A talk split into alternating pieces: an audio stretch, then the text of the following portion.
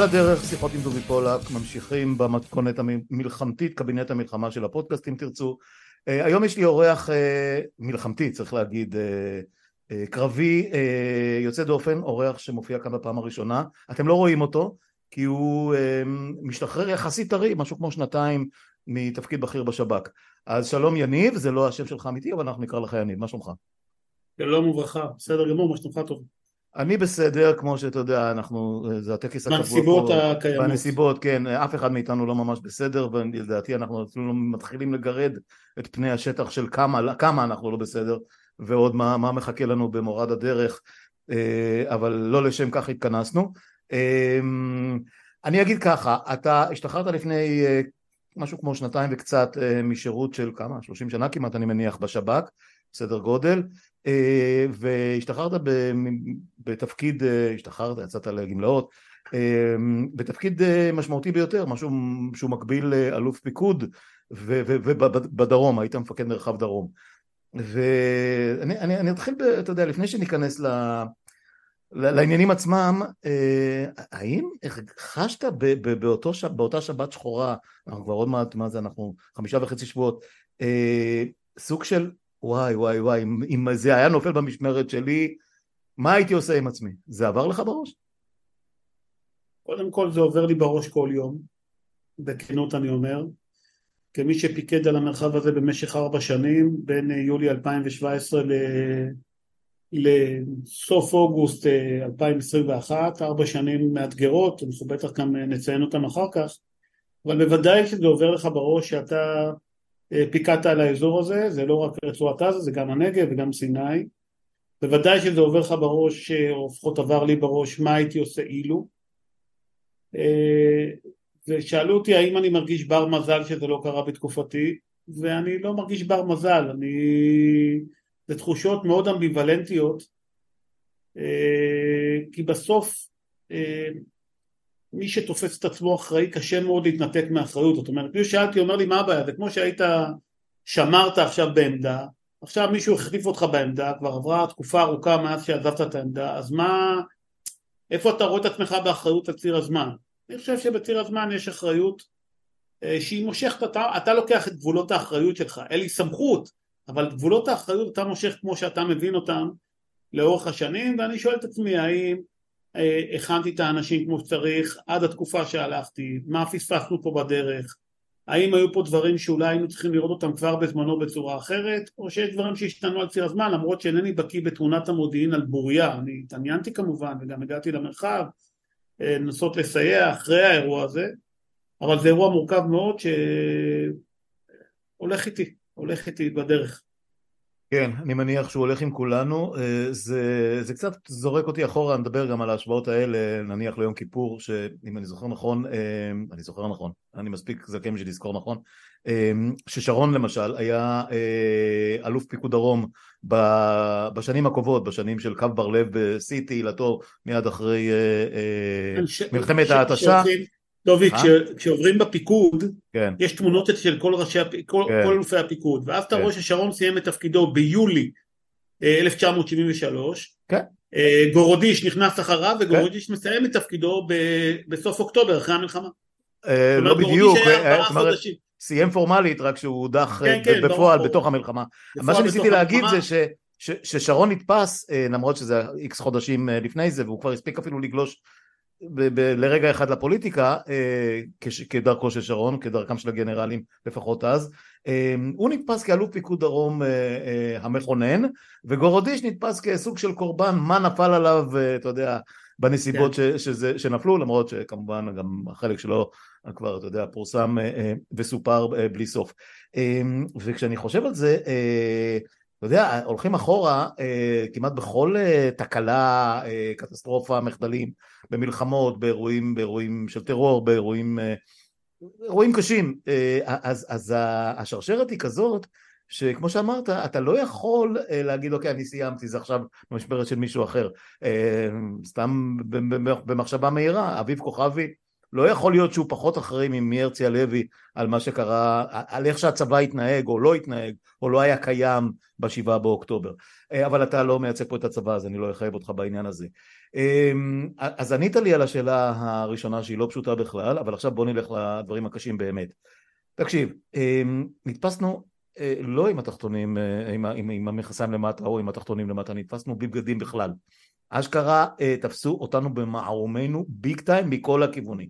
אני לא, אתה יודע, אין לי רשימת מכולת תחת היד, אבל אה, אה, מודיעין ואמ"ן ו-8200 ותצפיתניות ו- ו- ו- ובלוני אה, זה ורחפני זה ו- וגדר משוכללת שעלתה מיליארדים ו- ו- וצבא שהיה אמור לשמור וכיתות כוננות שלא צוידו וגם השב"כ גם השב"כ או, או לפחות גורמי הביטחון נדבר אחר כך על החלקים שלכם של השב"כ ושל המוסד בכל הסיפור הזה וכל האינטראקציה כי, כי, כי זה בעצם מעבר לגבול למרות שהסבירו לי ש... שזה נשאר, שעזה, אה, למרות שזה כאילו מעבר לגבול נשארה באחריות השב"כ. אמ, בוא, בוא, בוא, לך איתי אחורה ותגיד לי מאיפה העסק הזה התחיל להיבנות. מתי אה, אני... התחילה שרשרת הפעולות שהביאו אותנו לשבעה באוקטובר? אז אני, אני רוצה לתאר בכלל את אה, שרשרת הפעולות שלנו, כי אני חושב שצריך לשים כמה הנחות יסוד, שעד כמה שהן עגומות, זאת המציאות שאנחנו חיים בה ב... באזור שלנו. Mm-hmm. אחד פעם בעשרים שנה יש פה אירוע מז'ורי.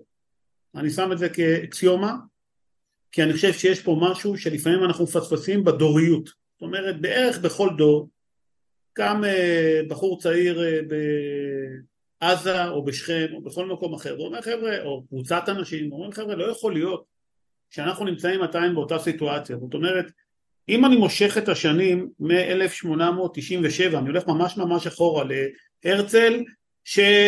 אה, מכריז אה, בבאזל ייסדתי את מדינת היהודים וב-1917 אנחנו רואים את הצהרת באפור וב-1936 עד 39 אנחנו רואים פה את אה, המרד הערבי הגדול שלא מקבל פה את העובדה שהיהודים רוצים להקים להם מדינה ודברים זה ורגע רגע רגע ברנר, הולך... ברנר ביפו הטבח כן. המתועד הראשון ואני הולך ל-47 שכבר קמה המדינה או האומות המאוחדות מוכנות לתוכנית החלוקה עכשיו תראה מה קורה מהנקודה הזאת. בין 47 ל-67 מלחמת ששת הימים, 20 שנה. בין 67 ל-87, האינתיפאדה הראשונה, 20 שנה. ואז אנחנו מגיעים שהאינתיפאדה הראשונה מסתיימת למעשה בהסכם אוסלו, באמת באמת, ב-94. אנחנו מתנתקים אה, מהערים המרכזיות, כולל ברצועת עזה, משאירים רק את גושי ההתיישבות ובעצם לא מפעילים את מלוא עוצמתנו למול אה, העיר עזה עצמה, למול רפיח, אלא בגיחות.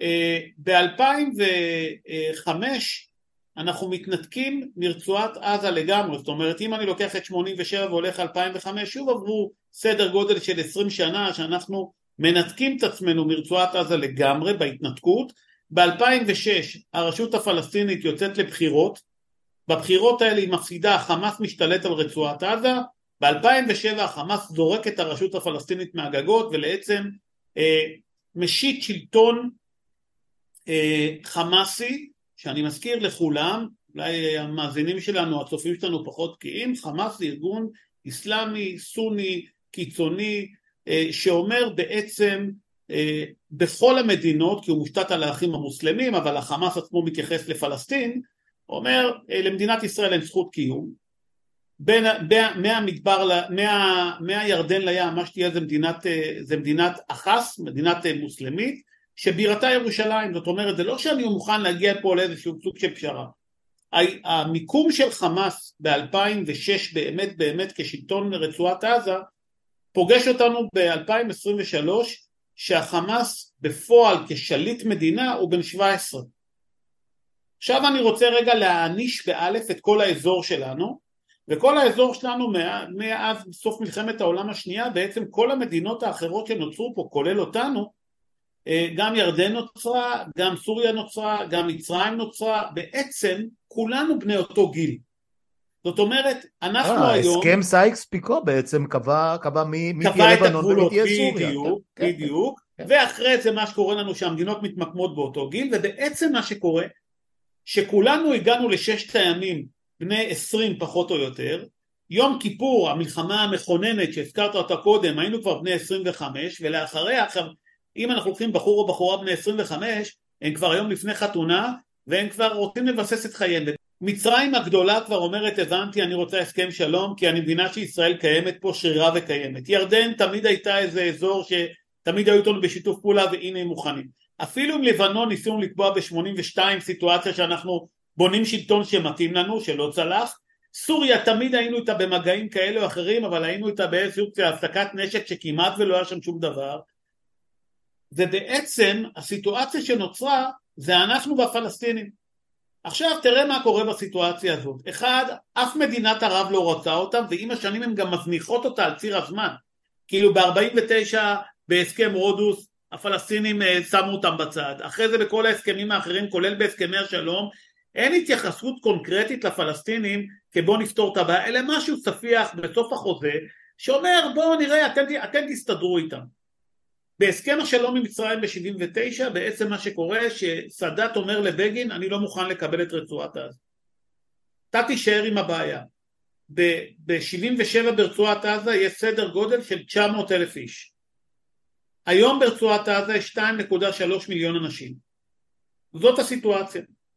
מדינת ישראל, ועכשיו אני חוזר רגע לסיפור הזה של הילד בן 17 שב-2023 אני מוצא את היריב החמאסי שולט ברצועה עם ילד בן 17, מדינת ישראל היא זקנה בת 75.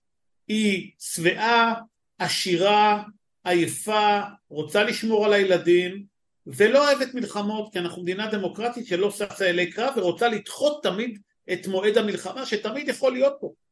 ובעצם הסיטואציה הזאתי זה העימות האסימטרי בין ילד בן 17 שאין לו מה להפסיד לבין מדינה בת 75 או בוגרת, בוגר בן 75 שיש לו המון מה להפסיד מבחינה כלכלית, מבחינה מדינית, מבחינה אזרחית, איך אנחנו תופסים חיי אדם?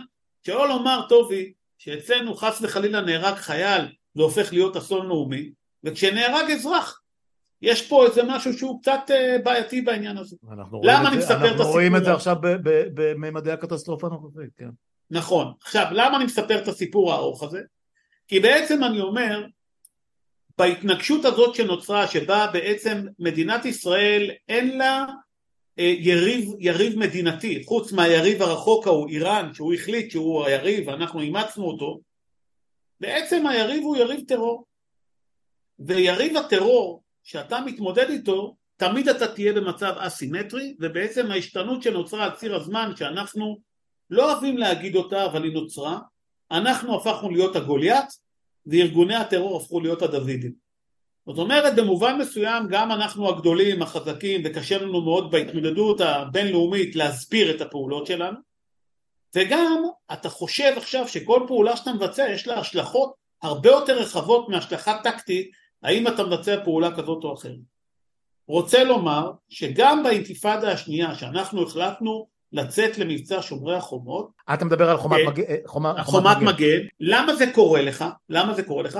כי חטפת בחודש אחד 131 הרוגים, מלון פארק היה 31 הרוגים ו-130 אה, מלון פארק זה הסיפור הגדול. זה הסיפור, אבל כשאתה מודד את מספר ההרוגים שהיו לנו בין הסכם אוסלו לבין אה, אה, 2004 שזה עשר שנים שבתוכם היה לנו גם את, אה, את המשך הכניסה לשטח בעצם הגענו ל-1200 הרוגים עד כמה שזה נשמע מאוד דומה למה שקרה לנו היום שחטפנו את זה ביום אחד שזה אסון זה מה כן. שקרה לנו על פני מריחה של זמן זאת אומרת כן. ההתמודדות עם הטרור היא התמודדות אחת שהיא בעייתית מה קורה למדינה שנמצאת בסיטואציה אפרופו אתה שואל אותי איך מתחיל הסיפור הזה זה מתחיל בזה שמדינת ישראל אחד לא רוצה מלחמות שתיים היא רוצה לדחות את המלחמות עד כמה שאפשר והיא מנסה למצוא פתרונות שאינם, שאינם מלחמתיים זאת אומרת למשל המחשבה שאם ליריבים שלנו יהיו תנאי מחיה טובים יותר הרצון שלהם, הגזרים שיהיו להם יהיו כאלה שהוא לא ירצה לוותר על הגזרים כי הוא אה, יגיד אני, אה, אני לא רוצה מקו, מקלות אז אני מעדיף את הגזרים. וככל שייתן לו יותר גזרים אה, הוא יזכה ליותר אפשרויות. אה, ככה בעצם מתחיל הרעיון של אה, אה, איך, אתה מונ... איך אתה לא נכנס לעימותים חוזרים. למה רצועת עזה קצת שונה בהקשר הזה?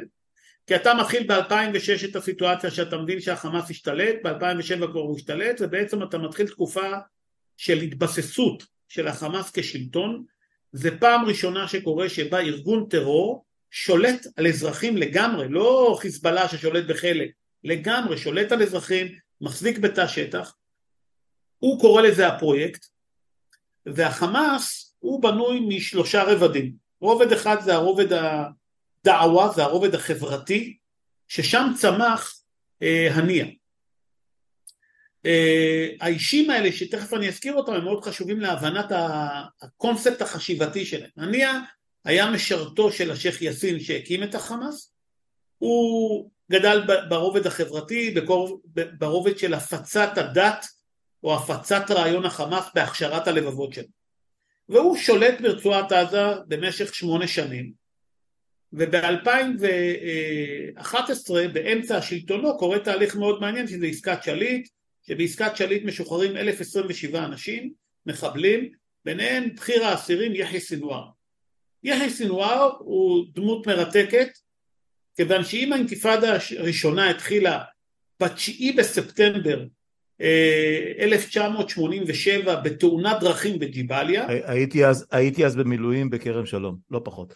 אוקיי, אז ב-13 בינואר, ב-13 בינואר, חודש וארבעה חמישה ימים אחר כך, יחיא סנוואר נעצר על רצח משת"פים, יחיא סנוואר היה ברובד השני של החמאס, ברובד של מה שקוראים הרובד הביטחוני, הוא אה, אה, בהשאלה זה השב"כ של החמאס, mm-hmm. ויחיא סנוואר נכנס לכלא ונשפט לחמישה מאסרי עולם.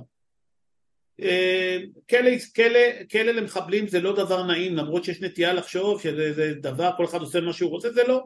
בסוף זה אנשים כלואים להרבה מאוד שנים הם לא יודעים מתי הם ישתחררו זה מאסרי עולם אה, צבורים זאת אומרת זה לא חופפים. mm-hmm. ואתה יוצא לשעה ביום לחצר ומתהלך עם עצמך.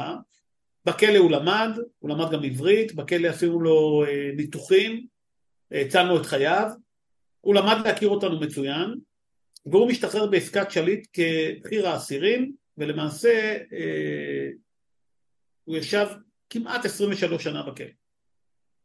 הוא משתחרר החוצה, הוא לא היה באינתיפאדה הראשונה ולא בשנייה ולא בהעברת ה... ולא בהסכמי אוסלו והעברת השלטון אה, לרשות כן. ולא ההשתלטות של חמאס על הרשות ואפילו לא בסבבים הראשונים שהיו שזה היה מלחמות אה, אני יודע, סבבי נוחות במובן מסוים. עמוד, עמוד ענן ושות', כן. כן, אה, עמוד ענן אה, שהיה באמצע ולפני כן היה גם כן עוד, אה, עוד כן, אירוע כזה, כן. זאת אומרת, הוא ראה את זה והוא מסתכל על זה והוא מתמנה כשהוא יוצא לראש משרד העבודות, משרד העבודות זה המשרד שאחראי על הפיגועים של החמאס, כל החמאס, בכל מקום.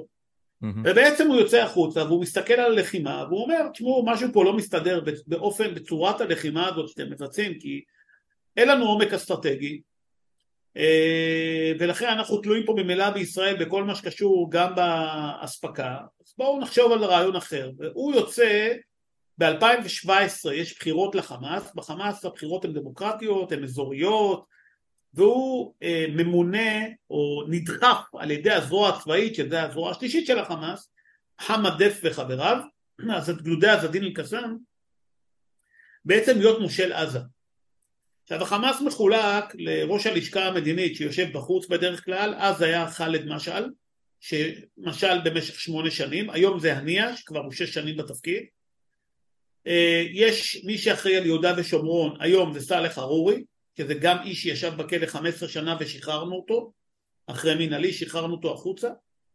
אה, למשל גירשנו אותו למעשה מפה באיזה התניות מסוימות, ויש את אה, עזה ויש את זה חוצנים כאלה, גם האסירים יש להם איזה ייצוג שם. אבל יחיא סינואר למעשה בהחלטה ב-2017 בבחירות האלה שהיו, למה האירוע הזה הוא מעניין? כי הנייה הפך להיות ראש הלשכה המדינית, החליף את ח'אלד משעל, זאת אומרת ההגמוניה עברה מהאזור של יהודה ושומרון, שם גדל ח'אלד משעל, לאזור העזתי, זה חזר אחורה בזמן לזה שהעזתים שולטים עכשיו בלשכה המדינית טוב, והפרויקט העזתי מקבל פתאום איזה מימד הרבה יותר רחב מהסיפור של יהודה ושומרון, כי ביהודה ושומרון ישראל שולטת כבר כמה וכמה שנים בעקבות חומת מגן, ובעצם עזה מקבלת מימד אחר לגמרי. הוא נבחר ב-2017, ואז הוא אה, רעיון ואומר חבר'ה תראו אני ישבתי בכלא 23 שנה וכשהייתי חולה ישראל טיפלה בי, וכשהייתי רעב ישראל נתנה לי אוכל, וכשהייתי צריך בגדים ישראל נתנה לי בגדים, וכשהייתי צריך מיטה ישראל נתנה לי מיטה. ועכשיו אני בכלא גדול, אה, ומי שצריך לספק אותי זה ישראל.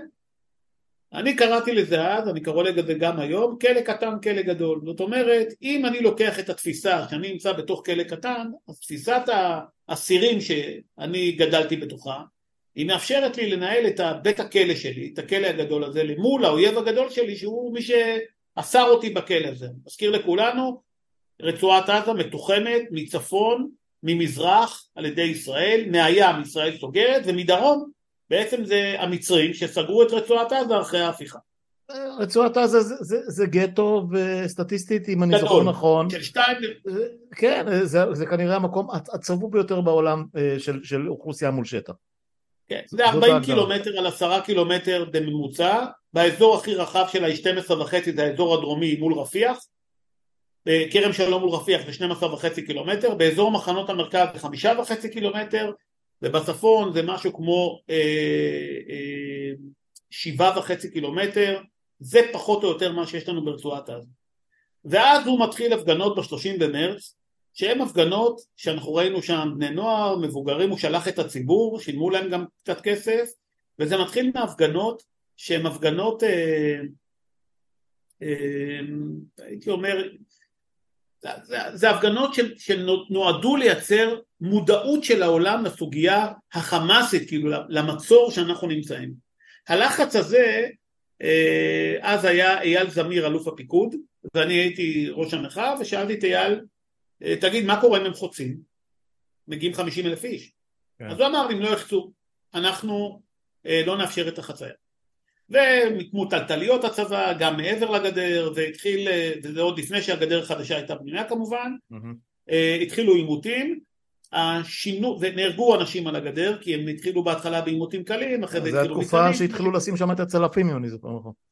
כן, ואז מה שקורה, השינוי הגדול דרך אגב, מתחולל ב-14 במאי, ב-14 במאי 18 טראמפ מקים את השגרירות בירושלים, זה פעם אחת, פעם שנייה נטע ברזילי זוכה ערב קודם באירוויזיון אז היא באה לתל אביב ויש הפגנות, יש בתל אביב, אה, המוני תל אביבים יוצאים לקראתה.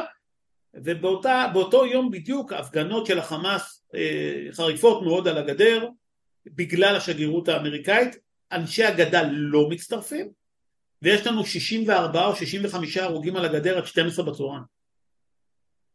אה, הקטע הזה משנה את התפיסה החמאסית והחמאס אומר הבנתי אני לא מוכן לספוג יותר הרוגים ובעצם אנחנו מתחילים אה, תקופה של סבבים, סך הכל כל התקופות על הגדר הייתה 84 ימי שישי, עם, עם 12 אה, או 13 סבבים שהיו על ציר הזמן הזה, שבסוף הקצה שלהם היה שומרי החומות, שאנחנו נכנסנו לעימות אחרי ירי לירושלים. זאת אומרת, האסקלציה קורית במגע שיש על הגדר שזה לא הרבה, שמה, שנה, שנה וחצי, כמה זה? שנה וחצי על הגדר. כן. עכשיו, למה האירוע הזה מעניין? כי אני מתאר את זה כמעט כמו במשחק כדורסל, האם אתה שומר אישית או אזורית.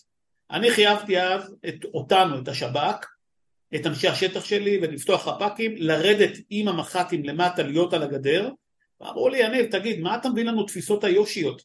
כאילו, אני גדלתי באיו"ש, אז מה אתה מביא תפיסות היושיות? ואז אמרתי, תראו, בסוף אחד זאת המלחמה שלנו, אנחנו לא יודעים מה, מה המשמעות של מלחמה ואיך היא מתפתחת, אבל יש משמעות להאם אנחנו נמצאים עם הצבא אה, כתף אל כתף, והדברים שאנחנו רואים שהצבא לא תמיד רואה אותם, כי בסוף הרציונל הוא של לתת את התפיסה האחרת. למה אני חושב שזה חשוב? כי השאלה מה המגע, אני בכוונה נוגע כאן בגוף שלי, מה המגע שיש לך כל הזמן עם היריב, כי היריב הוא משתנה על ציר הזמן, הוא לומד אותך כל הזמן, בצד השני יש עמדות חמאס, כמעט כל מאה מטר, לידם עמדות גאפ, כמעט כל מאה מטר, עם אנשים שעומדים קבוע בעמדות, ואצלנו כל ארבעה חודשים מתחלף גדוד, כל שנתיים מתחלף מח"ט, בעצם הרציפות והעברת הידע לא נשמרת לאורך זמן בצורה אופטימלית. מה תפקידו של השב"כ בתור לסיטואציה שקוראים לה רצועת עזה, אפרופו אמירות, אמירותיך בהתחלה?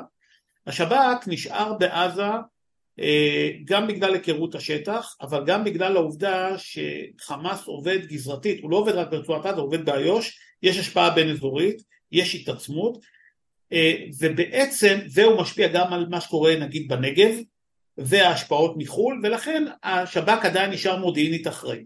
כן. מה האחריות בפועל של השב"כ, גם היה אצלי במרחב את ייעוד המרחב, אה, חלק מייעוד המרחב אה, שהוא, ייעוד, שהוא משמעותי מאוד זה הכנות למלחמה ומתן התראה למלחמה. זה כחלק מלקחי צוק איתן. חלק מלקחי צוק איתן, אפרופו הוויכוחים שהיו אז בין הצבא לשב"כ, האם השב"כ נתן התראה כן או לא, אה, היו שבסוף שני גופי המודיעין או שני הגופים האלה צריכים לתת התראה בדיוק כמו שאמ"ן צריך לתת התראה למלחמה אה, כי התראה כוללת גם לשב"כ יש אחריות ברצועת עזה בגלל שיש פה את ההיבט המודיעיני האחר איזה מודיעין אנחנו עושים ברצועת עזה כמו שקורה בהרבה מקומות אה, מודיעין יומנטי וסיגינטי כמובן ומודיעין אותות היום איפה הקושי ברצועת עזה? שאתה לא, הקוש... שאתה כבר לא בשטח אתה לא בשטח אה, יכולות הגיוס שלך מאוד מורכבות וכמעט ואין לך נחקרים. זאת אומרת, אם ביהודה ושומרון יש לך כמות נכבדת של נחקרים, שאתה תמיד יכול לפתוח אזורים שאתה פחות שולט בהם, ברצועת עזה זה שם אותנו, וכמעט, למה אני אומר כמעט ואין? כי כשהיינו במגע עם הגדר, אז אחת ההנחיות שלי הייתה למשל זה שכל מי שאנחנו מסוגלים להביא אותו חקירה שנביא אותו. כי אז נקבל עוד מודיעין שאנחנו לא יודעים ונגיע למקומות אחרים. Yeah. כן. מה עושה החמאס בתקופות האלה?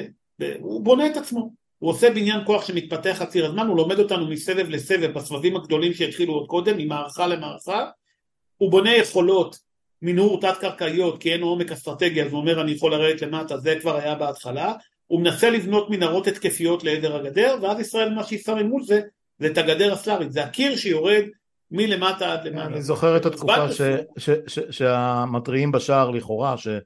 שגם הם נתפסו עם המכסיים למטה לפני חודש, אה, אה, דיברו על המנהרות כאיום קיומי, הביאו מומחים מכל העולם ו, וגיאולוגים והשד יודע מה, ובסוף אה, בא D9 ועבר מעל הגדר. אבל כן, זה, כן. כבר, זה כבר, אתה יודע, נגיע, זה כבר הסוף. כן. האם להגיד לעצמנו שאנחנו לא ידענו שהחמאס מתאמן? ודאי שידענו, אנחנו ידענו שלחמאס יש חמש חטיבות, ידענו להגיד שיש לו עשרים וארבעה גדודים, אנחנו מכירים את הכוחות הימיים שלו, את הכוחות האוויריים שלו, את כוחות הנ"ט שלו, אנחנו מכירים את היכולות של אג"פ, אנחנו מכירים את היכולות, את האמצעים, וניסינו לשבש את האמצעים שהוא מייצר על ציר הזמן, גם פגענו בחלק מהם, פגענו במומחים שייצרו אותם בסבבים השונים, ובכל זאת, אני חושב שמה שה... שמכונה הקונספציה יושבת, יושב על שלושה דברים, אחד, ישראל לא חפצה במלחמות, שתיים, אה, המחשבה שההרתעה שלך תעבוד, ההרתעה, לא יכולת ההתראה, ההרתעה שלך, היכולת לעמוד והם לא ינסו לתקוף טנקים או זה במסות כאלה, זה נראה כאילו לא הגיוני למרות שהתכוננו ועשינו תרגילים לדבר הזה, ושלוש, המחשבה שאתה יש לך יכולת הרתעה שהיא מספיק טובה כדי להתכונן לדבר כזה. ומה קרס לנו? בעצם מה שקרסו לנו זה שלושה דברים. פעם אחת הרעיון שאתה צריך להבין שבצד השני יש אנשים שברעיון שלהם הוא רוצה להשמיד אותך, אתה אומר זה לא יכול להיות שיש לו כוונות כאלה, כאילו אני לא, אני יודע מה היה בתקופתנו, אני אומר עכשיו, בתקופתנו חשבתי שיכול להיות רעיונות כאלה, גם בשומרי החומות חשבתי שמעבר לירושלים יש כוונות תקיפה ולכן נערכנו בהתאם, אני לא ארחיב על זה עכשיו, אני חושב שזה פחות חשוב. הרעיון השני זה שהכוחות שלך על הקו מסוגלים להתמודד עם מה שיש. עכשיו אנחנו נמצאים בשבוע של הדממה, כנהוג במקורותינו, אה, שבוע שהתרגלנו בצבא שבו אנשים יוצאים לחופשות יותר ויותר מאובררים. שתיים, לא תרגמנו נכון אה, אותות וסימנים שעלו, זה כבר יודעים היום להגיד למרות שאני מניח שעוד יהיה תחקיר, לא תרגמנו אותם נכון. מה זה מודיעין? אתה יודע טובי כמוני, מודיעין זה עובדות, מה אתה יודע? יש הערכות, מה אתה לא יודע ואתה מעריך שיקרה, אבל יש גם מושג שאנשים לא משתמשים בו, קוראים לו אינטואיציות. מה זה אינטואיציות? אינטואיציות זה אוסף הניסיונות שיש לך, ההיכרות האינטימית שלך עם היריב, שאתה אומר, תשמע, נכון שאני לא יודע, ונכון שזה לא מסתדר לי בהערכות, אבל משהו בתחושת בטן שלי לא מדבר אליי כמו שצריך, ואכן ראש השב"כ מכנס דיון אה, לפנות בוקר, גם זה פורסם כבר. כן. זה, זה מכנס את האנשים. כן. אה, כן, לא, הדיון היה כבר לפנות בוקר, אבל נגיד שעלו ידיעות בערב קודם. כן. עלו ידיעות שונות, אני לא יכול לפרט אותן פה, כי אני, אני מכיר פשוט... זה היה פרסום, אני, אני אקל עליך, מה שכבר פורסם, ואני לא יודע סודות, אז אני אגיד מה שפורסם. פורסם על התראות ש, שנמסרו בצורה כזאת או אחרת דרך המצרים, אה, פורסם על הרבה מאוד אה, דיווחים של תצפיתניות, האמת שלאורך כל השנה האחרונה, שפחות או יותר נפנפו אותם, ו, ודובר על, על, על תרגילים ממש, תרגילים על מודל שהם עשו בסמיכות לגדר, אזרחים דיווחו על זה, חיילים דיווחו על זה, מה נעשה עם זה? אז זה נניח שלושת הדברים, אני שם רגע את ההיבט המצרי בצד, אני שם כן. גם רגע את התצפיתניות, לא כי אני מזלזל בזה, נהפוך כן. הוא, אלא כי אני אומר, כבר היו ידיעות מודיעיניות שנגיד הן יותר הארדקור, לא משנה כן. מכל מיני סיבות. אוקיי, אתה אומר, אתה אומר, היו ידיעות ברזל אבל עדיין לא זהב. אבל היה משהו שבסוף בקבלת ההחלטות, לכמת הכל, להגיד מה ההחלטה, ויותר מזה גם, אה, אני מכיר ראש שב"כ היטב, הוא איש יקר ואיש ראוי מאוד, ואני חושב שבסוף, כשהוא בא ושקל את הדברים, יותר מזה, הוא גם שלח אה, צוות מיוחד למטה, מתוך הנחה שקורה משהו. ההנחה שהייתה משהו שיותר קטן ממה שקרה פה, ובעצם מה שקורה פה, וגם את זה אנחנו יודעים מתוך ידיעות שכבר עלו, שגם פרסמו אותם לדעתי, שגם המפקדים בדרג השטח של החמאס שביצע את הפעולה הזאת הם ידעו על זה שעה לפני זאת אומרת זו הייתה הטיה מאוד דומה להטיית אה, יום כיפור זאת אומרת אנחנו מתכוננים לתרגיל ו- ובשעה האחרונה אתה, אתה עושה את התפנית הזאת שדרג השטח הדרג המבצע בכלל לא מודע לה זאת אומרת הוא מודע שהוא מתכונן לזה הוא רק לא יודע את העיתוי המדויק של מתי זה הולך לקרות yeah. כן. אני חושב אחד זה אה, זה, זה אירוע קשה מאוד. אני אומר לך, אני פגשתי את האנשים אחר כך, גם בצבא וגם בשב"כ. זה אירוע קשה מאוד מאוד. אנשים לקחו את זה, אה, תשמע, זה, זה חורבן להרבה מאוד אנשים. זה, זה, זה, זה אירוע, בוא נגיד ככה, מאז המלחמות הגדולות, מאז הרדיפות הגדולות, מאז בוודאי מלחמת העולם השנייה, אבל אפשר ללכת אחורה, פרעות מהסוג הזה ישראל מעולם לא חוותה. ספק כמה מ- מדינה מערבית, אני לא, לא מצליח לחשוב על מדינה מערבית שספגה דבר כזה מאז 45. כן. אני לא, לא עולה על דעתי. זה, זה, זה, אבל אני, אני כאילו, אני, אני מנסה לנתק רגע את האירוע למרות שקשה מאוד, אבל כן. אני אומר לך גם האנשים בתחושה שיש אנשים שישבו על דברים 20 שנה. ואומרים חבר'ה, זה, אני מדבר בחורבן האישי, לא החורבן הלאומי בוודאי, כן, אין לי זה, והחורבן כן. המשפחות, ואין פה אח ורע לדבר, וגם אין לתאר, אני אומר לך, אני, כולנו בתחושות מאוד מאוד קשות, כולם כאזרחים, אבל אני אומר לך, אנשים שישבו עשרים שנה על דברים, ופתאום אתה רואה איך הכל קורס להם מול העיניים, זה, אה, אנשים יצטרכו ללכת באמת עם... עם אה, לא, זה מסע שאני לא יודע איך אפשר לעמוד בו, זה... לא, זה, זה בדיוק כך, זה מסע שאי אפשר לעמוד בו.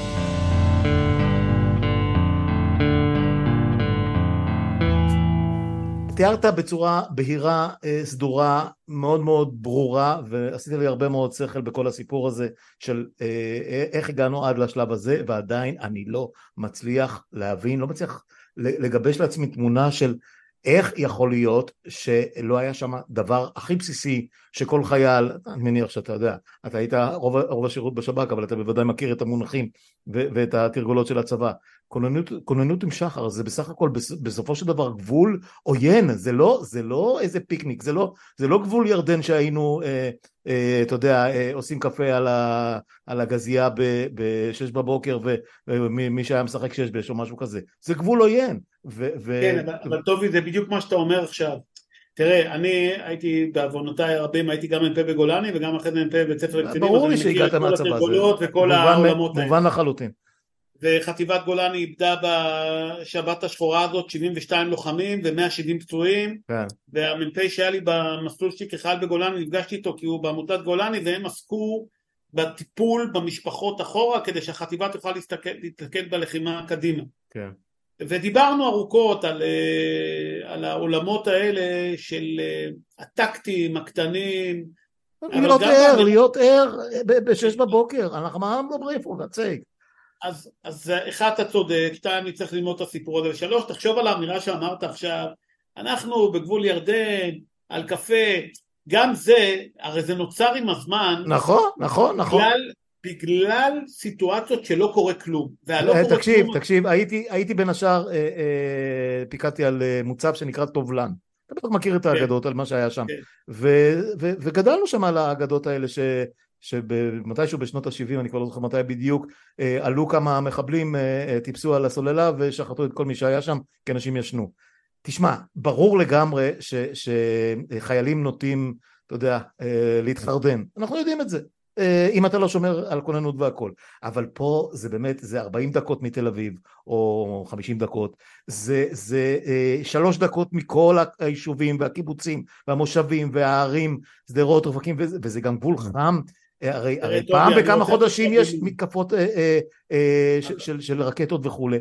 אני עדיין, אני עדיין, שנייה, אני חייב להשלים את השאלה הזאת, כי, כי, זה, כי זה פשוט מחרפן אותי. עדיין אני לא מבין איך כולם היו רדומים בשעה הזאת של, של, של לפנות בוקר, הרי זה יכול היה להיות בכל בוקר שהוא, וכנראה שזה מה שהיה בכל בוקר שהוא בתקופה הרגועה. אולי לך יש הסבר, אני לא, חוץ מאשר אה, התרגלנו, אני, אני לא... אני, נח על, אה, ברשותך על שני הסברים ואני רוצה לתת אה, ממקום אחר משהו. יש לי בן שמשרת כחובל ב... בלמול רצועת עזה mm-hmm. בדבורים. Mm-hmm. וכשאתה חובל בדבורים אתה מבצע שם כמעט שנתיים תפקיד.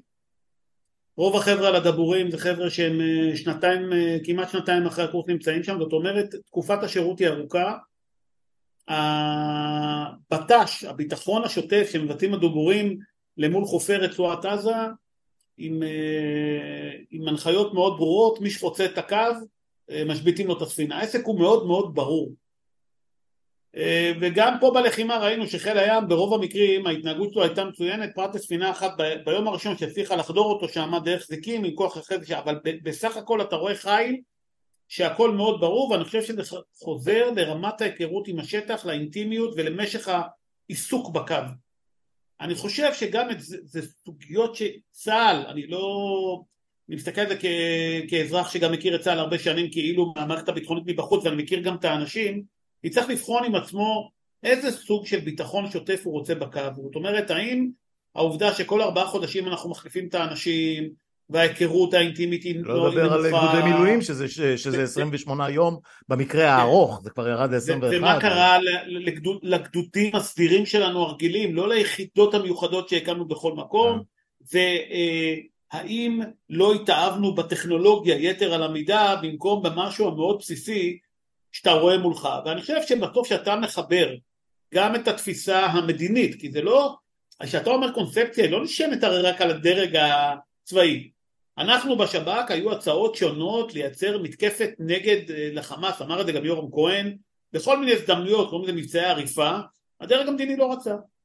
מהרבה מאוד סיבות שתלויות בו, אני, אה, רצועת עזה בסדרי עדיפויות הלאומיים, היא הייתה במקום רביעי, יש את איראן, יש את חיזבאללה ואת סוריה, יש את יהודה ושומרון, ואז יש את רצועת עזה, זאת אומרת רצועת עזה כאילו היא מוכלת בתוך הסיפור הזה, והסיפור הזה של ההכלה אתה בסוף זה יתפוצץ עליך בשבת הרבה בבוקר. יותר גרוע, יניב, הרבה הרבה יותר גרוע. רצועת עזה הייתה ה buffer שמנע בעיני אה, הממשלות, כל הממשלות של השני העשורים, שלושה עשורים האחרונים, אבל בוודאי שני העשורים האחרונים, בוודאי אה, בחמש עשרה שנים האחרונות, אה, ממשלות נתניהו מ-2009, ה buffer שמנע את כל איזושהי אפשרות, תיאורטית אפילו, להתקדמות במשא ומתן המדיני מול הרשות הפלסטינית. כן, כי זה ברור. זה, כי, זה, כי... זה, זה, זה, זה, צריך להגיד את הדברים. אני, אני זה בכוונה מכוון. אני, אני מסכים איתך העניין, זה כאילו ל, ל, אה, אה, להחליש את הרשות כדי לא להגיע לסיטואציה של משאים ומתנים. ומכאן אתה מחזק את החמאס, כן. אני, אני, אני מסכים איתך, אבל אני לא רוצה להתייחס דווקא לסוגיה הפוליטית, לא בגלל שאני לא יודע, כי אני חושב שזה פחות העניין, אבל תשאל את עצמך, האם בלבנון, בסדר? שאתה יודע שיש שם אויב חזק ומשמעותי שרוצה לפגוע בך. אתה תקפת בלבנון בחמש עשרה שנים האחרונות? לא. אתה לא תקפת. נכון. אתה תקפת בסוריה. למה אתה תקפת מאיפה שלא יגיבו, זאת אומרת זה חלק מהקונספציה. איפה, שהפנס, אני... איפה שהפנס דולק, אנחנו מכירים את זה. איפה שהפנס דולק ואיפה שאתה לא, לא, לא יראו עליך חזרה. נכון, למה? נכון. כי אתה מדינה שרוצה שקט ושלום, כי אתה מתקדם פה מאוד כלכלית ואתה ביחסים בינלאומיים מצוינים ואתה רוצה הסכמי שלום עם מדינות רחוקות אתה רוצה להמשיך שואל... להיות וילה בג'ונגל, בוא נגיד את הדברים. נכון, נכון. עכשיו, גם וילה בג'ונגל, אתה צריך לשאול את עצמך, תגיד, מה החומות שיש לי? ומה המגננות שאני צריך לשים כשזה קורה, והאם אני מבין מה קורה בג'ונגל. עכשיו, מה קרה לנו? זה השוואה נהדרת, כי אפרופו הווילות בג'ונגל, זה הרי לקוח מאפריקה, ו- ו- כן. ואנחנו יודעים מה קרה בדרום אפריקה, כל החוות של הלבנים היו מוקפים בחומות מחושמלות וגדרות, ות- וביום ביום, ביום פקודה זה לא עזר להם. עכשיו אני אומר לך יותר מזה. אה, כשאתה ממקם את עזה במקום הרביעי, ואתה אומר העימות שלי זה איראן, ולשם אני צריך להתכונן, העימות שלי זה חיזבאללה ולשם אני צריך להתכונן, ובעצם העימות עם רצועת עזה הוא עימות אה, מקומי, ואני יודע לפתור אותו בגזרים, ואני פחות אגיע לעימות. היריב ברצועת עזה, במקרה הזה יחיא סינואר שהוא איש חכם, אני לא חושב, אני חושב שצריך להתייחס בכבוד מאוד לאנשים, לא מבחינת הכבוד כי הוא איום ונורא, אבל רוצח, כן. לכבד את, את, את היכולות שלו. Mm-hmm. למה זה בעצם קורה לנו עכשיו? אתה יודע, אני, אני חככתי בדעתי, למה זה התחיל עכשיו דווקא? הרי הדבר הזה יכול להתרחש בהרבה מאוד הזדמנויות, ואז אה, נכנסו לי פה מספר מרכיבים ש, שהתגבשו לנו בשנתיים האחרונות, ואנחנו לאט לאט אה, מתבשלים כצפרדעים בתוך מים רותחים.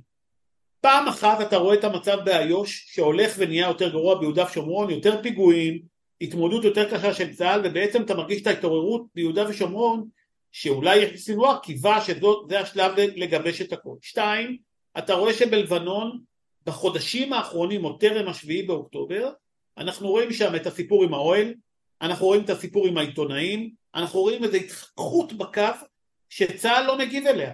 זאת אומרת, התגובות של צה"ל למול החיכוך בקו הן אה, תגובות אה, אל תיגע בי, כמו בבית ספר, אל תיגע, שם לך את היד בפנים, אל תיגע בי, כן. כמו ילדים.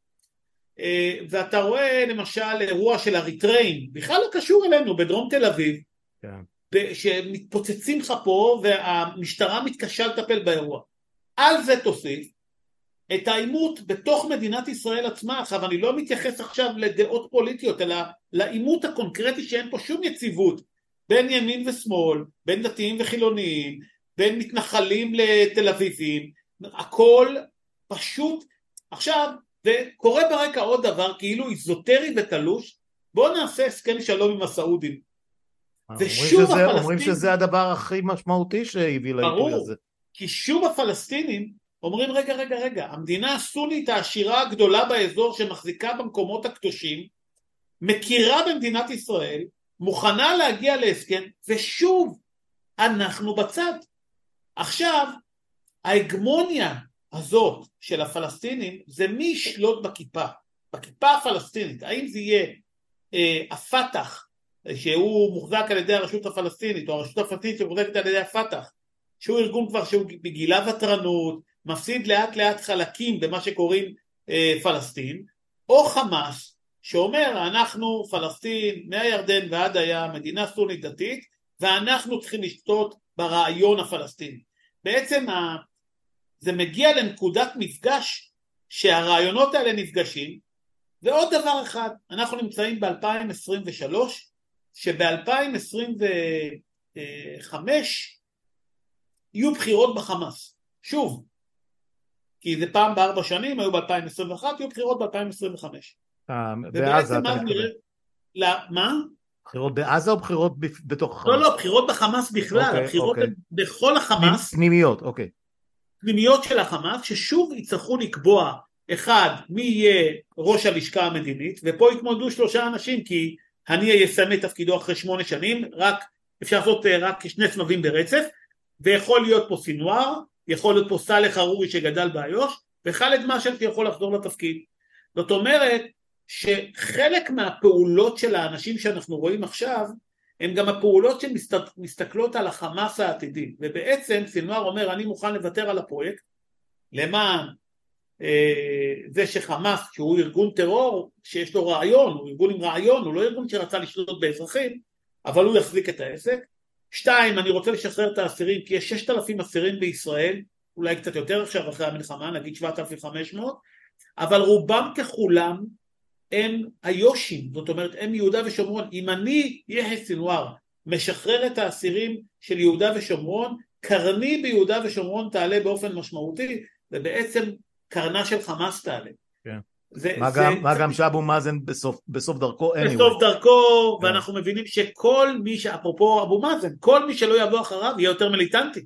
כי אבו מאזן ניסה באמת ל-15 שנה לדבר איתנו, זה לא עבד. זה נכון, אז כל מי שיבוא נכון. ואת, ה, ואת, האחר ש, ואת האחר אתם הכנסתם ל, גם לאיזה 15 מאסרי עולם, ש, שהיו מוכנים לדבר איתם, לדבר על ברגותי כמובן. על ברגותי, כן, כן אבל יהיו כן. עוד קופצים בעניין, כן, וגם ברגותי יהיה יותר אגרסיבי. ברור. אני חושב שמחכה לנו תקופה הרבה יותר מאתגרת ביהודה ושומרון. תודה באמת, תודה באמת שבאת, אני, זה, זה מאוד מעודד, אה, מה גם שיש כרגע, אה, אתה יודע, אה, שר במשרד הביטחון ועוד, ועוד שרה, עוד אחת שבוחשת בתוך משרד הביטחון עם, עם ההתיישבות ו, ושר אוצר שמשמן אותם בכמויות מטורפות של כסף וגם, וגם הם מטרידים את הצבא ברמה כזאת שיש טענה שאני עוד לא קיבלתי לגבי הסימוכים מלאים אבל, אבל סטטיסטית אי אפשר להתווכח על זה שהרבה, כל צבא, כל גדוד סדיר או, או גדוד תגבור ש, שנשלח לחווארה או, או לקבר יוסף או לשכם או, ל, או, ל, או לג'נין אה, יכול היה להיות בזמן, בזמן אמת בקו אה, בכרם שלום או, ב, או ברעים או, ב, או באודים או באורים או איפה שזה לא יהיה. תראה, אני חושב שיש פה, אני, אחד אני לא יכול להתווכח בזה כי אני לא יודע להגיד את, כן. את הנתונים. יש טענה כזאת, כן. הטענה אני מכיר אותה ואני חושב כן. שבסוף כל עוד מדינת ישראל החליטה להישאר חלקנו אוהבים את זה חלקנו פחות אני מסכים עם עמדתך אבל זה לא משנה כן. אה, בסוף יש לנו אחריות לשמור על האזרחים שלנו ובינתיים יש 500 אלף יהודים ביהודה ושומרון שצריך לשמור עליהם מה לעשות אה, כן לא עזוב הם רוצים לשמור עליהם לשמור עליהם אני אתה יודע עשיתי את זה 20 כן. שנה מחיי אה, במילואים אתה יודע לצערי הרב אבל לא, לא סירבתי אולי, אולי לצערי לא סירבתי אבל זה כבר דיון לגמרי אחר. אה, העניין הוא לא זה, העניין הוא שהם הם, הם מחרחרים אה, אה, מלחמה פנימית as we speak, זאת אומרת זה לא שהם מסתפקים בזה שאני או אתה נשמור עליהם, הם מייצרים לנו הרבה מאוד עבודה בהתעמרות בחפים מפשע על ימין ועל שמאל 24 שעות ביממה, עם נשק צה"לי ומדים צה"ליים, אבל אתה, אתה מכיר את זה לא פחות טוב ממני. תקוותי כן. שאחרי המלחמה שיכול להיות שהיא תהיה מאוד ארוכה. אה, אנחנו כולנו כעם נתעשת ונמצא פה יותר, מערכת איזונים יותר טובה לכולם פה באזור. פעם נתתי לזה דימוי, אני אעזור לך, בסדר? בתוך הדימוי הזה... אני, למה אני צוחק? אני אעצור אותך לשנייה אחת, רק בשביל להכניס את הקונטקסט, אתה, אני לא יודע עד כמה אתה עקבת, לא הכרנו קודם עד כמה עקבת וכמה אתה עוקב אחרי פרקים שאני מעלה פה בקצב פסיכי מאז שהתחילה המלחמה הזאת. אה, אני, אני, אני הייתי במשך כל, כל חיי ככותב וכ, וכעיתונאי אה, סוג של רואה שחורות מקצועי, אני אומר לי תפסיק אתה כל הזמן רק רואה שחור וזה וזה וזה וזה. ועכשיו בחודשיים האחרונים אנשים אומרים לי אנחנו קונים עכשיו בשמחה רבה את כל התחזיות הכי שחורות שהיו לך. אז אני, אז אני תמיד, תמיד האורחים שלי יותר אופטימיים ממני. עכשיו, לא, תן לי את הגרסה האופטימית שלך. אופטימיות. אני מגלה אופטימיות משתי סיבות. האחת, אני חושב שאין לנו מקום אחר. נכון. וכולנו נכון. מבינים את זה. ומכיוון שאין לנו מקום אחר, יש לנו אחריות לנו, לילדים שלנו, לנכדים שלנו, ואנחנו צריכים להעביר אותו הכי טוב לדורות הבאים. Mm-hmm. זה פעם אחת. פעם שנייה, אני חושב שפעם בכמה זמן אה, אנחנו מתעוררים למציאות עם איזו סתירה מצלצלת שאנחנו חוטפים שמסבירה לנו איפה אנחנו חיים. אה, אני חושב שאנחנו צריכים להגיע בסוף, אני תיארתי את זה פעם, שבסוף יש לנו פה, זה כמו שני ילדים שמשחקים בארגז חול. ארגז החול הוא נתון, הוא לא ישתנה. זה שני ילדים שמשחקים, בסוף הילדים האלה בהתחלה הם רבים, לאט לאט הם מבינים שזה ארגז וצריכים להסתדר. אני חושב שבסוף אנחנו צריכים להגיע עם בצד השני יש אנשים לדעתי שרוצים להגיע להבנות, לא כולם, אני לא חושב שיחיא סינואר רוצה להגיע להבנות, אבל אני חושב שיש מקומות שבהם רוצים להגיע להבנות ואנחנו צריכים למצוא פתרונות אה, יצירתיים כולנו לראות איך אנחנו חיים פה ביחד כדי לייצר שגשוג לשני העמים. אה, אתה, אתה מדאיג אותי עכשיו, אתה מדאיג אותי עכשיו, כנראה שאתה הולך לפוליטיקה, אתה נשמע כמו פוליטיקה. לא, לא, לא, לא, לא, לא, לא, לא, לא, לא, לא. אין לך מה לדאוג, אני חושב, תראה... אני לא דואג, הלוואי ש...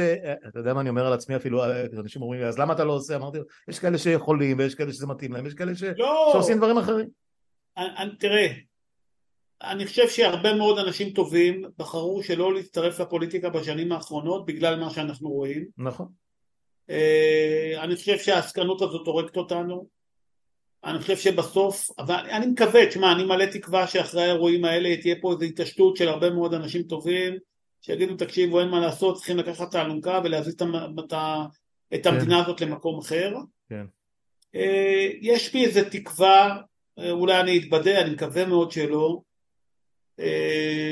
של לקיחת האחריות, תראה בדרג הביטחוני ראינו כבר, אני מקווה שגם בדרג המדיני אז, תהיה אז, אתה יודע מה, בוא, בוא, בוא נעשה פה uh, תרגיל קטן, uh, כי אנחנו ככה מתקרבים לשעה, אנחנו עברנו את החמישים דקות וזה בדיוק מביא אותי לקטע הסיום מבחינתי, ואני אשאל אותך סדרה של שאלות שאני אנסה שיהיו קצרות מאוד, אבל במה שאתה יודע, במה שנקרא ירייה בבודדת, uh, ותנסה לענות לי מה שאתה יכול, מה שאתה לא יכול תגיד לי אני לא יכול. אה, כי, כי אה, יש כמה דברים שנתקעו לי בראש תוך כדי השיחה אה, ש, ש, שמטרידים אותי ואני, ואני אשמח לתשובות קצרות. א', אנחנו מדברים עכשיו על כמות מטורפת, אני לא קורא לזה שבויים, זה חטופים, נכון שיש שם חיילים וכאלה שנשבו במדים אז הם שבויים, רק לצורך הדיון, אבל יש כמובן חטופים שזה, לא יודע מה, 200 או סדר גודל כזה של, של אה, אזרחים, תינוקות, ילדים, תינוקות, מה שזה לא יהיה. מה השב"כ עושה, או לא, לא מה השב"כ עושה, האם השב"כ יכול לעזור, האם למיטב ידיעתך והבנתך יש משהו שבשב"כ יודעים שאנחנו או הצבא לא יודע או שהצבא יכול לעשות בזה שימוש. לא, תגיד לי מה אתה יכול. עבודה, אני אגיד בקצרה, אחד צוותי עבודה משותפים, שב"כ צבא עובדים כל הזמן, מייצרים כל פיסת מידע כדי לראות איך... אבל זה אפשרי בכלל? זה מה שניסיתי להבין. אחד, אני חושב שכן, שתיים, עובדה שהבאנו את אורי מגידי, שאני אומר זה מבצע מפואר, עוד דובר פה רבות, אבל הצלחנו okay. אוקיי. להביא, הצלחנו, אתה יודע, מי שעסק בזה כן. הצליח okay. להביא, אני יודע זה. אני חושב שככל שיהיו הזדמנויות יעשו את זה. אני חושב שאבל ההזדמנויות המדיניות אה, ימוצו ואני חושב שאנחנו נראה אה, בשלב ראשון גם בעלי דרכונים זרים אבל גם נשים, ילדים וזקנים שישוחררו כן, מדובר על זה עכשיו, השאלה רק מה המחיר שישראל תהיה מוכנה נכון. לשלם. אני חושב אה, שזה דרג מדיני והוא יקבל החלטה כ... יפה, יפה, אז הנה זו תשובה, תשובה ראשונה נתת לי, תשובה שנייה, אנחנו חוזרים אחורה ל-2011, עסקת שליט, יחיא סינואר משוחרר מהכלא. עכשיו רבות דובר על זה, אחד מול אלף, אלף ומשהו, אולמרט סירב, אחרים סירבו, הרבה מאוד עיתונאים שאני מאוד מכיר ומוקיר, חלק מהם ממש קולגות, חברים קרובים שלי במשך השנים, אה, אה, התנגדו בצורה נחרצת לדבר הזה, הרבה מאוד אה, אנשי שב"כ ואנשי אה, אה, מוסד ו, ובכירים מכל הסוגים והמינים התנגדו, נתניהו החליט ללכת על זה, אני חשבתי שצריך, אה, אני, אני, אני אחלק את השאלה הזאת לשניים, האם אה, כל מחיר מוצדק ברמה, ברמה כמובן לא, לא שטח ולא לא יודע אה, אה, אה, פגיעה אמיתית אה, מיידית בביטחון המדינה. וב' אם כבר מדברים על זה אה, האם באמת שחרור ספציפי כזה של סינואר כזה או בזמנו של יאסין אחרי הפלופ אה, עם אה, חאלד משל ב, ב, בירדן ודברים דומים שהיו כמו הגירוש שנכשל באופן טוטאלי בתקופת רבין באמצע שנות, אה, באמצע שנות התשעים, תחילת שנות התשעים, הגירוש ללבנון, ש, שפשוט אה, כולם חזרו ונהיו ראשי החמאס פה בארץ. אמ, יש, יש, אה, יש סיבה להניח שיש שחרור כזה יכול באמת להביא את האירוע שמחת תורה הבא בעוד עשר שנים? אחד, אני חושב שלא כל שחרור, אני אומר את זה עם הרבה צער, ואני באמת מאמין שלא כל שחרור הוא אפשרי. אני חושב שיש פה דברים שהם אה, אסור, אסור לנו להתבלבל בדבר הזה, אני מבין שחיי חיילינו זה מחיר אה, כבד מאוד, אבל אני חושב שצריך לראות מה המחיר. זה לא חיילינו שלי. במקרה הזה, אני רק מזכיר לך. במקרה, לא, במקרה הזה זה אזרחים. זה, זה, זהו, זה... השאלה איזה, איזה כלים יש לנו בכלל, אם לא, אם לא אה, שחרור מהסוג הזה. אני, מה, מה שאני בטוח זה שני דברים. אחד, אני חושב שכל מה שקשור בגירוש או במצב שאתה לא יכול לגעת באנשים אחר כך הוא בעייתי מאוד. ראינו את זה גם, ב, גם ברבין, ודרך אגב גם, ב, גם, גם בהחלטה של רבין בזמנו עם הגירוש של ה-400, שאחרי זה כן. חזרו והיו בדיוק, זה מה שאמרתי, נכון.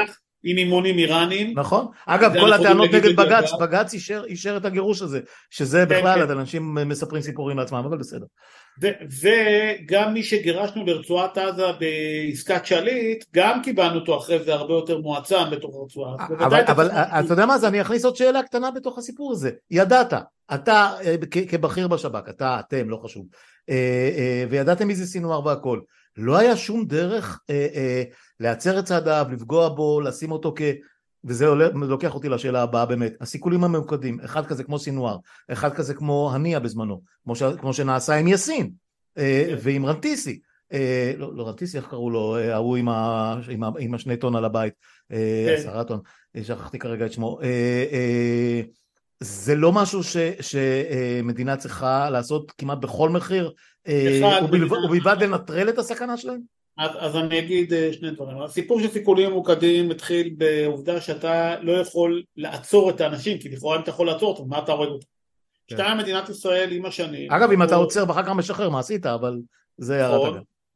אה, אבל מדינת ישראל החליטה באיזשהו שלב להפסיק עם הסיכולים הממוקדים- כדי לא לייצר אסקלציה. זאת אומרת, בעצם אתה מנטרל את עצמך. עכשיו תראה מה קרה לנו בחודשים האחרונים. התחלת בסיכולים ממוקדים בג'נין, באזורים שאתה מבין שאם אתה נכנס אליהם העימותים יהיו יותר מורכבים, אבל שהסיכולים הממוקדים זה חלק מהכלים. אנחנו עם השנים אה, הפחתנו את השימוש בכלים האלה. אני חושב שהכלי הזה הוא מאוד משמעותי גם במקומות שבהם אתה מתקשה. וגם כדי להעביר מסר ליריב. ברצועת עזה השתמשנו בסיכולים קודמים בשנים האחרונות בעיקר למול פעילי גא"פ או ג'יהאד איסלאמי ולא למול פעילי חמאס. אה, מתוך רצון אפרופו לבדל את פעילות הגא"פ מהחמאס ושהחמאס ישלוט זה לא תפס. כן. האם יכולנו לסכל את בכירי החמאס שלא במלחמה? כן. יכולנו. יכולנו לסכל את בכירי החמאס, את כולם דרך אגב. אה, ישראל בחרה שלא לעשות בו, אה, לא לעשות את זה, ישראל כמדינה בחרה שלא לעשות את זה, כולל דרג מדיני, למרות הצעות שניתנו, אה, אה, ולחכות לעניין של מערכה. במערכה לסכל כבר כולם יורדים לתת קרקע, המשמעות נהיית הרבה יותר מורכבת, גם יכולת האיתור וגם יכולת הסיכון. אז אחד, הכלים האלה הם צריך להשתמש בהם, שתיים, זה חלק ממלחמה בטרור, מלחמה בטרור זה לא מלחמה שהיא זבנג וגמרנו. אה, אפרופו גם המלחמה ברצועת עזה שאנחנו רואים אותה עכשיו, אני מציע להתייחס אליה אה, כתהליך ולא כמהלך. כי אם אנחנו נראה טוב, את האירוע... הזה זה, חומת מגן אה, אמר לי, אמר לי יאיר גולן, אמר, זה- סיפור שנמשך חומת ארבע- מגן ארבע שנמשכה שנים. כן, שנתיים ואחרי זה עוד שנתיים באמת יותר קלות. כן. יאיר היה מפקד האוגדה, אני הייתי אז אה, רכז נפת טול. אה, אני אומר לעצמנו, אם אנחנו נראה את זה כתהליך ואנחנו מבינים שהעסק הזה הולך להיות ארוך, יש פה משמעות.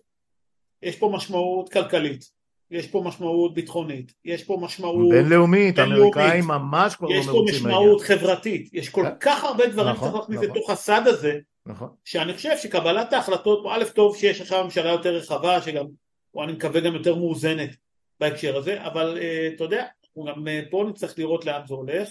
כן. אז אחד סיכולים ממוקדים חלק מהמשימות, שתיים יכולנו לעשות את זה כשאין מלחמה, כשיש מלחמה בוודאי, ואני חושב שאם אנחנו נסיים את המלחמה הזאת בלי שיש לנו את חמשת הבכירים הרוגים או נכנעים, אה, אנחנו נהיה במצב לא טוב. אני מאוד חושש שזה wishful thinking שאני לא בטוח שאתה מאמין בו כל כך, אבל אני אני- מאמין בו, אני חושב שאנחנו אוקיי. נגיע לקנייה.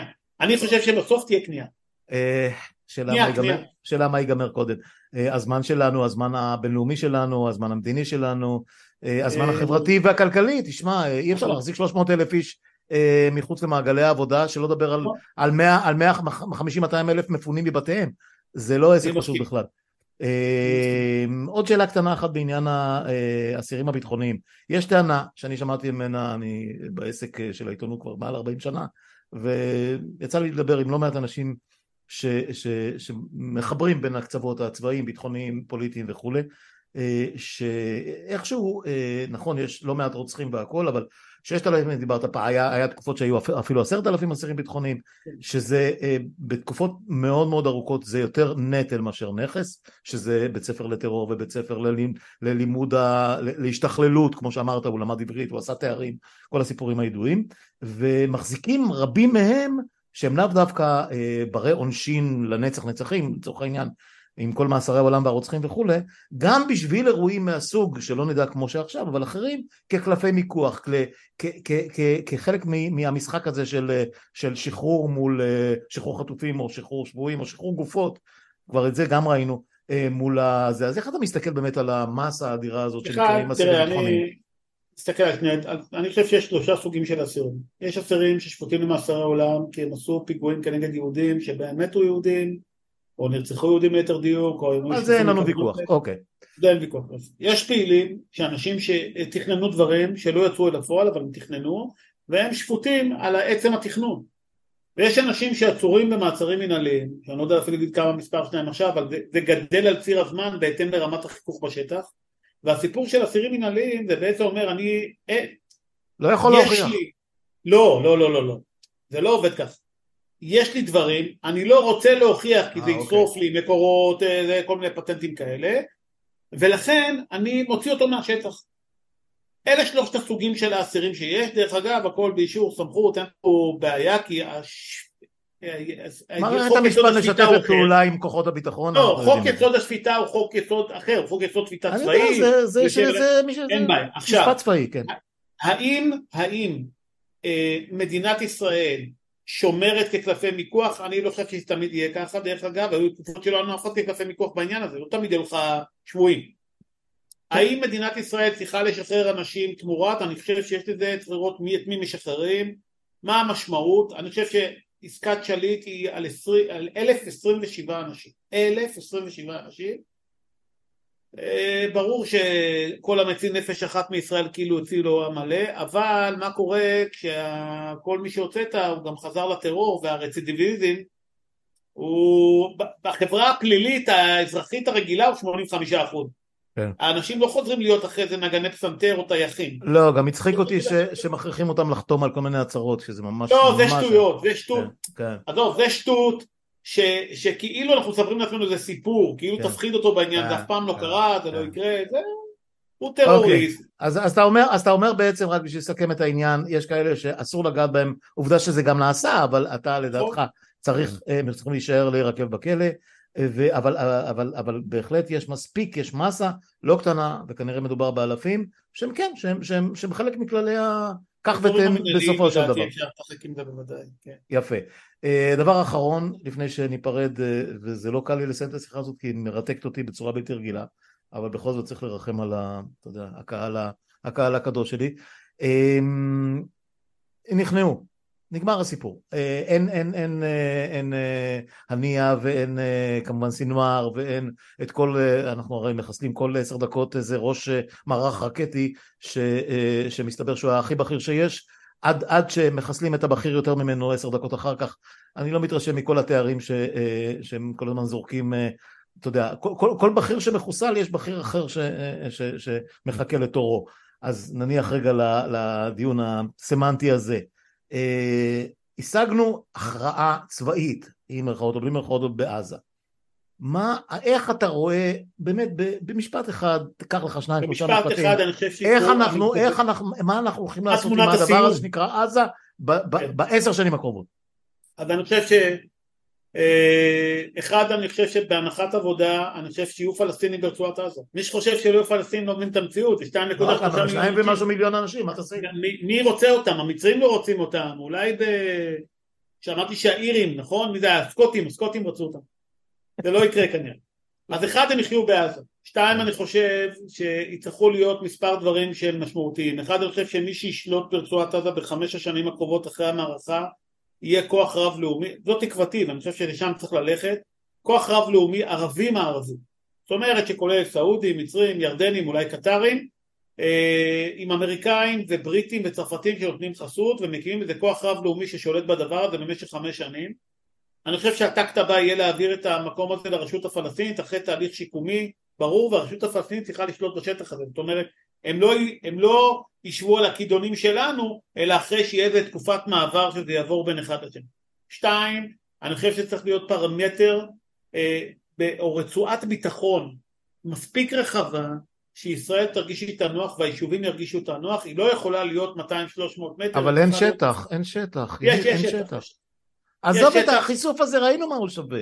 לא לא לא זה לא, עוד אני חושב קילומטר, אין- אין אין כן, מספיק שטח כן. בעזה. אני חושב, אני חושב שלא תהיה ברירה בעניין הזה ויצטרכו למצוא פתרון בעניין הזה כי אחרת לא יבואו לגור שם לא הקו הראשון וגם לא הקו השני ופה יש לזה משמעות מאוד גדולה. אני יודע, אני אני לא רואה, אני לא רואה, ולכן אני אני חושב לא רואה את שיהיה- חידוש ההתיישבות שם כל כך מהר.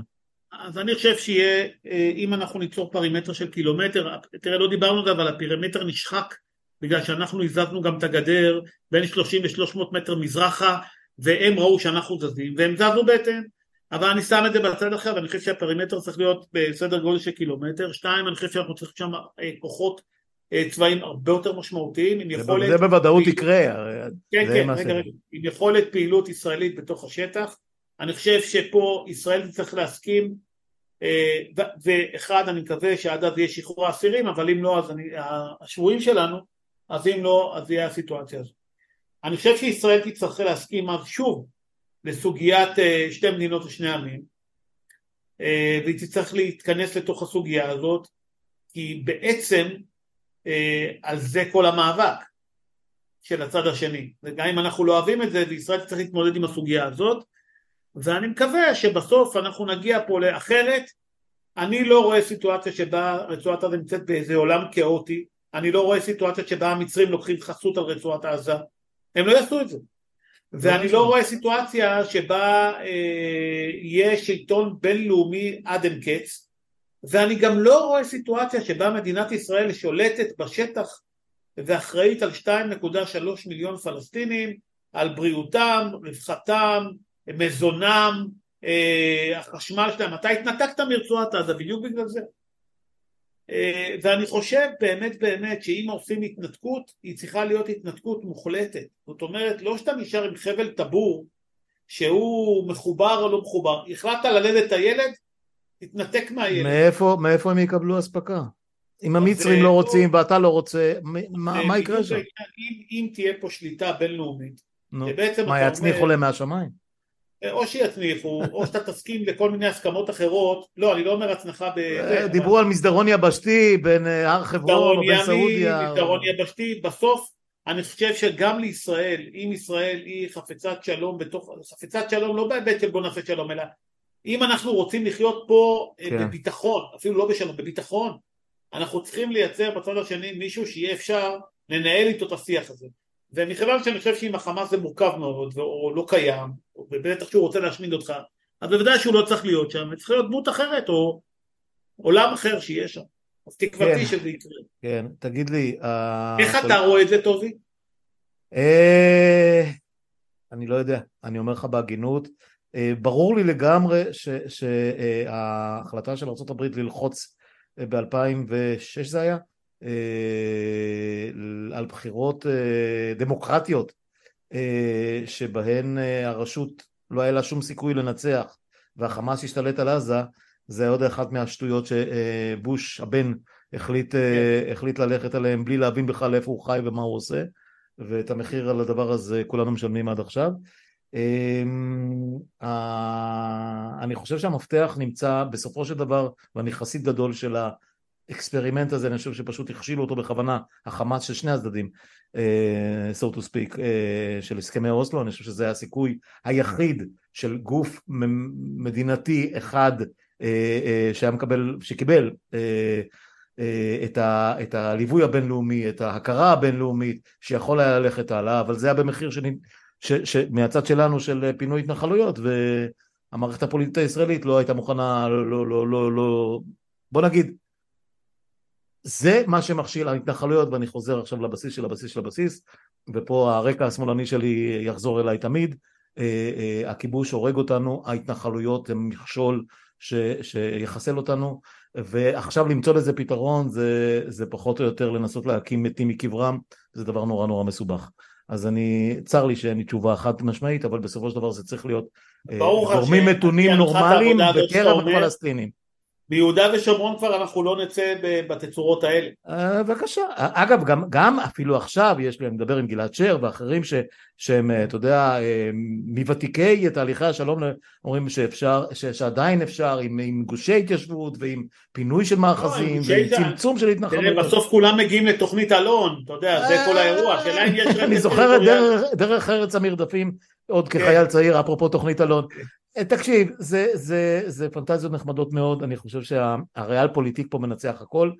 אה, אנחנו צריכים לחכות שנתניהו ילך, אה, בעקבות לצערי כנראה הרמטכ"ל שלו, הוא יוכל להמשיך לדעתי בתפקידו וראש השב"כ, מיוד הערכה שאני לא רואה איך הוא ימשיך בתפקידו אחר כך, והיורש שלך במרחב, והסגנים, ו, ו, ואז נגיע לנתניהו, ועד שכל העסק הזה לא ינוקה ולא יהיה ריסטארט, אז אנחנו נמשיך לדבר, אתה יודע, נעשה פודקאסטים, אבל uh, השלום או השלווה או הפתרון יחכה עוד הרבה שנים קדימה. אה, זאת הערכה מאוד מאוד, לא יודע אם קודרת, אבל מאוד מאוד ריאליסטית שלי.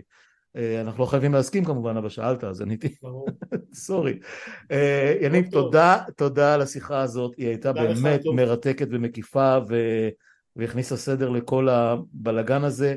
אמ, אני חייב להגיד שעדיין בסופו, בסוף כל הסיבוב הארוך הזה, שישה שבועות שאנחנו מתעסקים עם זה, שעה ומשהו שאני מדבר איתך על זה, אני עדיין לא מצליח, בשכל הפשוט וה, והלא קונספירטיבי שלי, איך ייתכן שכל המערכות בו זמנית ביחד, אף אחד לא הצליח לתפקד בשעה הגורלית האחת הזאת. זה משהו אה, שכנראה ילווה אותנו עד סוף החיים. בשכל הפשוט, במובן מסוים איבדנו את הפשטות. כן, כן, כן, כן, חוכמת הדברים הפשוטים. זה כל הסיפור. חוכמת הדברים הפשוטים, אמרה המשוררת. תודה, תודה. אני מקווה שעוד אה, יצא לנו להיפגש בנסיבות אה, של תחילת התחייה, ואתה יודע... תחילת האביב. כן, שהשיחה הזאת לא, לא תישאר במין כן. עננה שחורה כזאת. נתראה, נתראה בשמחות, תודה. בשורות טובות. להתראות.